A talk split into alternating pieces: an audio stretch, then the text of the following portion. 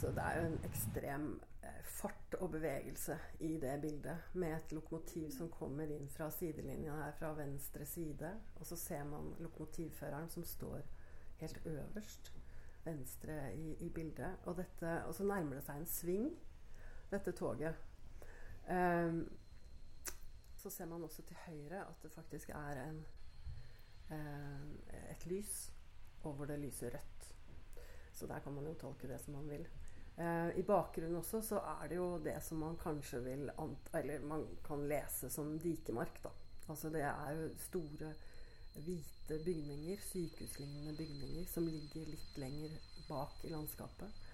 Og så er jo hele eh, himmelen og alt er bevegelse rundt dette lokomotivet i sprakende farger. Eh, og kan jo minne mye om van Gogh, syns jeg. Vi er i ferd med å kjøre ut av svingen og kanskje deise inn i dikmark? Ja, det ser, det ser jo unektelig litt sånn ut. Det gjør det. Det sier kurator Anne Siv Falkenberg Pedersen. Mannen bak det verket, som er kjent som Krøsus, var innlagt på Dikmark i nærmere fire tiår. Ingen av bildene hans har tittel. Vi kjenner heller ikke tankene bak verket, heller ikke hans omfattende produksjon han hadde totalt. Vi kan heller ikke gå ut med navn pga. personvernhensyn, men han var en av de mange pasientene som altså produserte kunst. Men det vi vet, er at han var eh, pasient på Dikemark psykiatriske sykehus. Og at han kom dit fra slutt, ja, han kom på slutten av 30-tallet. Og han ble der eh, hele sitt liv frem til han døde på 80-tallet. Så det vet vi. Um, og så er det mange som husker ham som en eh, skikkelse på, på Dikemark. For han fikk eh, relativt stor frihet i forhold til mange av de andre pasientene. Uh, så vi har jo vi har fremdeles tidsvitner um, som kanskje også kan fortelle litt mer om, om uh, bakgrunnen. Mm. Har du vært i kontakt med dem? Eller? Jeg har snakket med noen av dem. Det har jeg. Eh, men det gjenstår jo også flere. Det gjør det. Ja. Men hvordan, hvordan var det han så ut? Um, ja, det vet jeg jo heller ikke så veldig mye om. Men det mange har beskrevet ham eh, som, er jo en, en mild og, og rolig type. Eh, alltid kledd i dress. Alltid sånn velkledd. Pent kledd. Eh, og veldig um, Ja, ro, rolig i sånn, sin fremtoning. Vennlig. En vennlig mann. Og han var såpass uh, heldig at han ja, kanskje hadde litt større privilegier da, enn en de andre pasientene? Ja, sannsynligvis så, så, har han jo kanskje hatt det, da. Eh, han, eh, han, hadde jo dette verkstedet sitt i, i, i, kjelleren på Bjørkeli, hvor det nåværende museet er. Eh, hvor han eh, hadde Han gravde gull, i anførselstegn. og det var jo da slagg fra slagghaugen på, på jernverket på Dikemark. Um, som han hadde som et slags alkymistisk prosjekt, tenker jeg. At han, han omskapte Han skulle skape om denne, disse steinene til, til gull. Så han, han, eh, holdt jo til der, og det var også kjent at uh, Bjørkeli var jo et pensjonat også for betalende pasienter. Så det kan jo være at han var en betalende pasient, men det vet vi ikke nok om. Men fant han noe gull, da? Ja, han mente jo det. Jeg mener jo at han, at han på en måte er Altså at det er, det er jo gull han har etterlatt oss. Um, men han presenterte jo disse um, steinene sine. De bar han jo rundt i en koffert på Dikemark. Uh, og han ga de til barna. Som, som for det var jo mange, mange barn av, av, leger og psykiatere som Hele familiene bodde jo på Dikemark. Det var jo et helt lite samfunn. Så de var jo kjente med Krøsus, og de fikk presentert gull.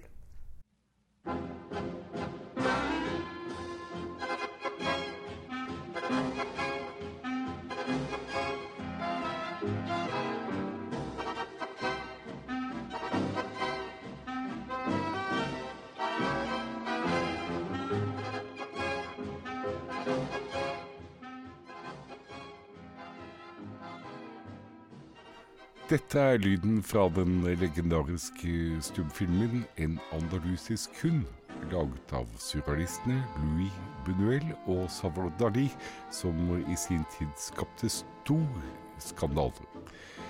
Alle var dypt inspirert av boken til den tyske Hans Brintzol.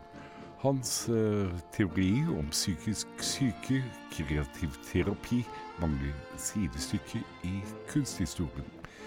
Den eh, skulle inspirere altså surrealister, dadaister og ikke minst Jean Dubuffet, som gikk i bresjen for eh, kunstsjangeren art brut. Han var jo opptatt av, av, av gull og, og sølv og, og, og penger, og, det å kunne gi noe. Um, han nevner jo det i, i mange skrifter og, tekster. Og så er det klart at eh, så kan man vel ikke underslå at det kanskje er visse storhetsforestillinger i, i, som ligger i det navnet også, ikke sant. Men, men, det er jo hvis man ser på det som en sånn psykiatrisk diagnose, da. Altså, som man jo også hadde. Men, men eh, det er klart, i overført betydning for oss, så, så, kan jo det navnet peke til en overflod, rett og slett, altså, av, av kunstnerisk energi og ideer og ja. For han produserte mye. Eh, hvor stor var produksjonen hans? Altså Det vi har oversikt over nå, er jo at han kanskje har Jeg tror Dikemark museum har nå ca. 80 verk. Og, så er det jo, og det er kun um, bilder. Mesteparten på papir. Og så er det også noen oljemalerier. Og så er det også store mengder tekst. Både skrevet for hånd og på skrivemaskin. Eh, tett i tett eh, skrevne manuskripter.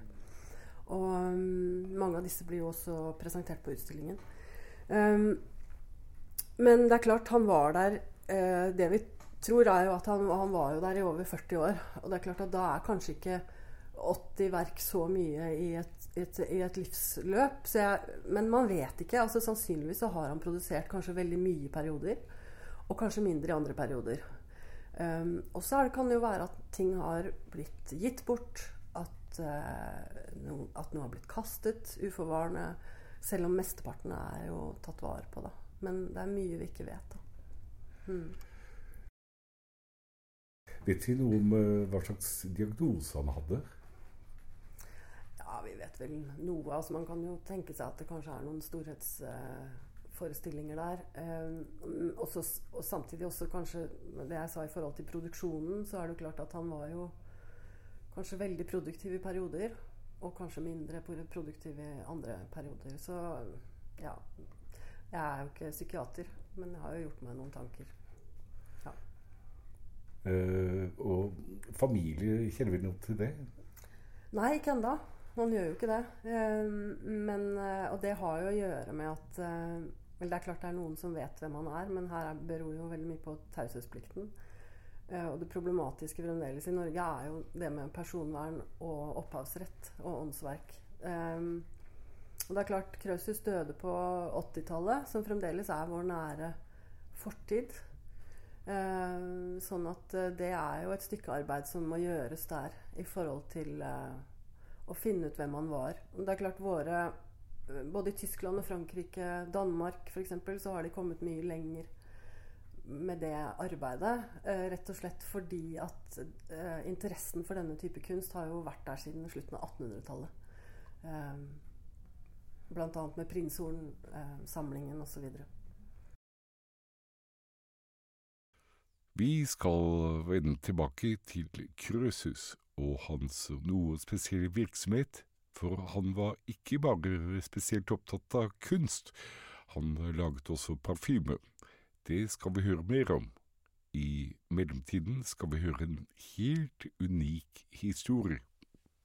Ja, her er ei veldig unik historie. Jeg vet ikke om det finnes noe lignende i hele Norge. Det sier kurator ved Justismuseet, Eva Furseth. Eh, Selbumannen han var egentlig født i Hummelvik, som ligger 30 km utafor eh, Trondheim, mot eh, Værnes flyplass. Og eh, han fikk ganske tidlig store psykiske problemer. Kan hende han var autist. Mm. Uh, og han ble sendt til Østmarka. Men ganske fort så ble han satt ut på en gard på Selbu. Og når jeg sier satt ut, så var det en ganske vanlig behandlingsmåte på tidlig 1900-tall. Det her var altså etter krigen. Og eh, her på gården så skulle han jobbe som gardsgutt, og der ble han tatt veldig godt imot. Og uh, han utvikla seg veldig positivt der. Han uh, lærte seg å, å, jobbe godt med gardsarbeid, ble en flink arbeider. Og så ikke minst så fikk han sitt eget rom. Og han fikk lommepenger som han bare brukte til én ting, og det var tegneutstyr. Så han fikk seg en del spesialpenner. Og det han var mest opptatt av, det var sedler. Så han kunne sitte all sin fritid inne på rommet, lukke døra. Han var ikke av de mest sosiale, så han satt der og kopierte sedler. Og eh, vi ser da noen eksemplarer som er stilt ut her, eh, nemlig bl.a. hundrelapper og femtelapper. Ja.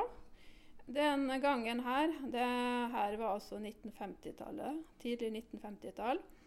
Og uh, han hadde fått tak i en 50-lapp som han hadde på rommet sitt, og kopierte. Og um, den er helt fantastisk uh, flott laga. Her er det tynne, tynne streker. Og Bjørnstjerne Bjørnson han har jo flott portrettlikhet. Og når jeg ser på det papiret her, så vet vi at det er faktisk fra kraftfòrsekker.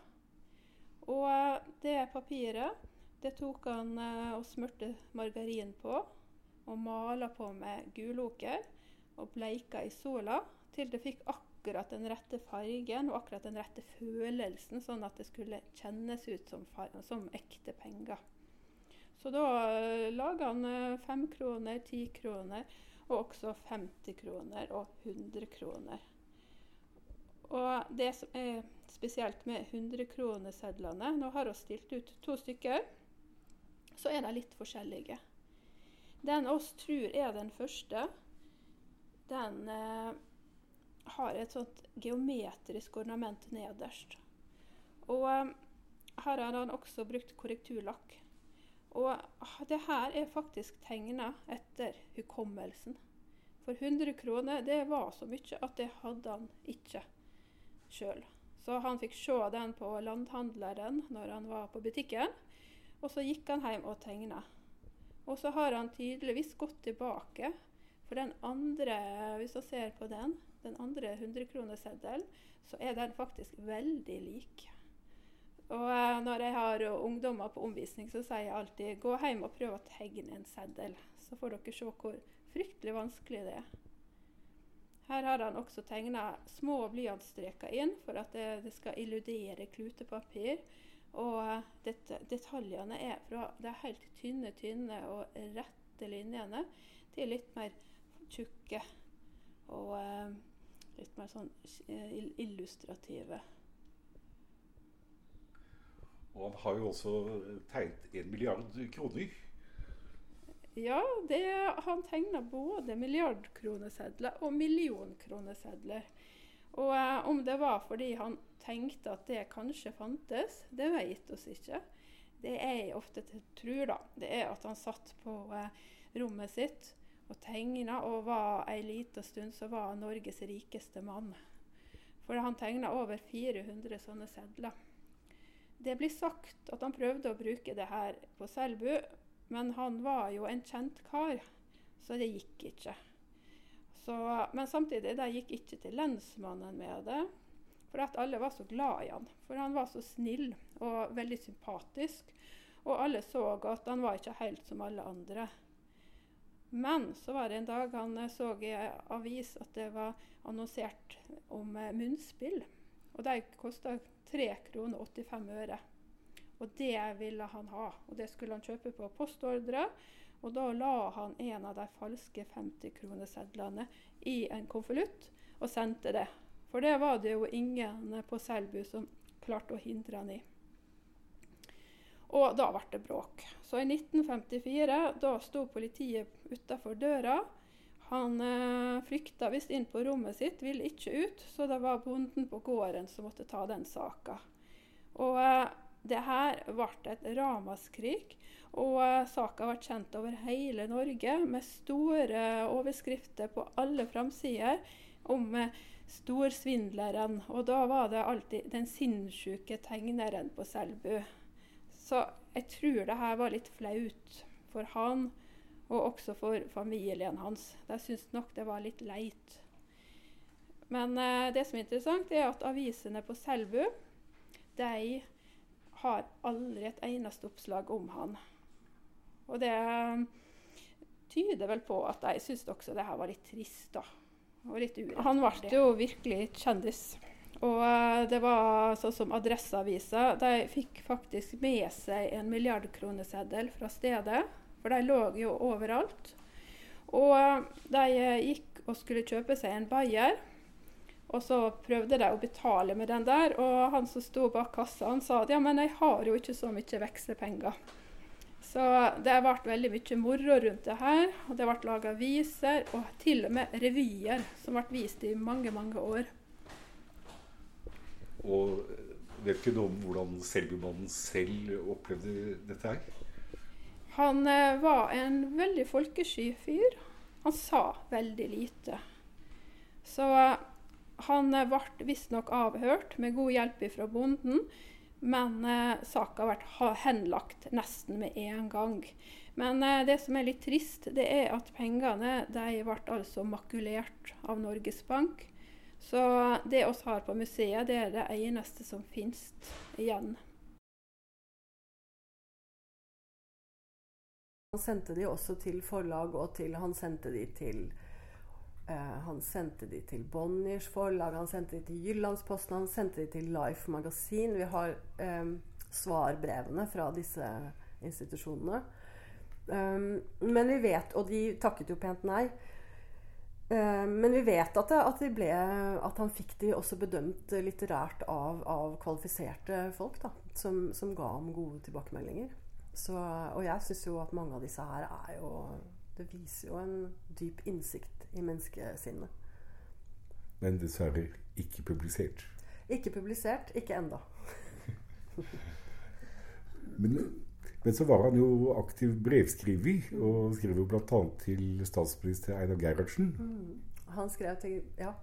Det er et brev som blir presentert på, på utstillingen, eh, som han skrev eh, til Einar Gerhardsen. Og, mm, og, der skriver han jo eh, han skriver jo at han må ta vare på arbeiderne, og han må se at dette, de er nødvendige for at, at, samfunnet skal gå rundt, og han må lønne dem tilstrekkelig osv. Han tar jo også til orde for faktisk at eh, arbeiderne skal kunne få uh, andeler i sin egen arbeidsplass. Altså, så han tenker jo fremover, uh, tenker jeg, i forhold til ja, både økonomi, samfunnsøkonomi og ja.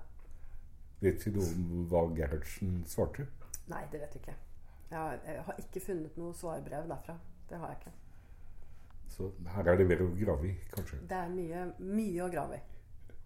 Men uh, en annen særegenhet ved Krøsus' virksomhet var at han skulle lage sin egen parfyme. Mm. Hvordan gjorde han det? Nei, altså han eh, Han eh, fikk jo tak i en del flasker. Altså jeg har jo sett noen av disse flaskene. Eh, og de Eller jeg har jo sett mange av dem.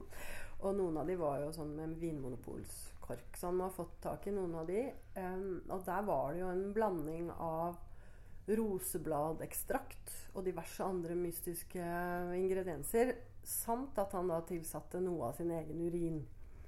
Og denne blandingen den, førte, den helte han jo da over på mindre flasker, små flakonger, som han kjøpte på Sykehusapoteket. Vi har jo kvitteringer fra, fra sånne innkjøp hvor han kjøpte mindre flasker. Så helte han de over på de. Og så presenterte de altså Han ga de da til uh, utvalgte da, av det kvinnelige personalet på, på Dikemark. Så jeg har møtt flere som har vært så heldige mottakere av flakongene til Krøsus.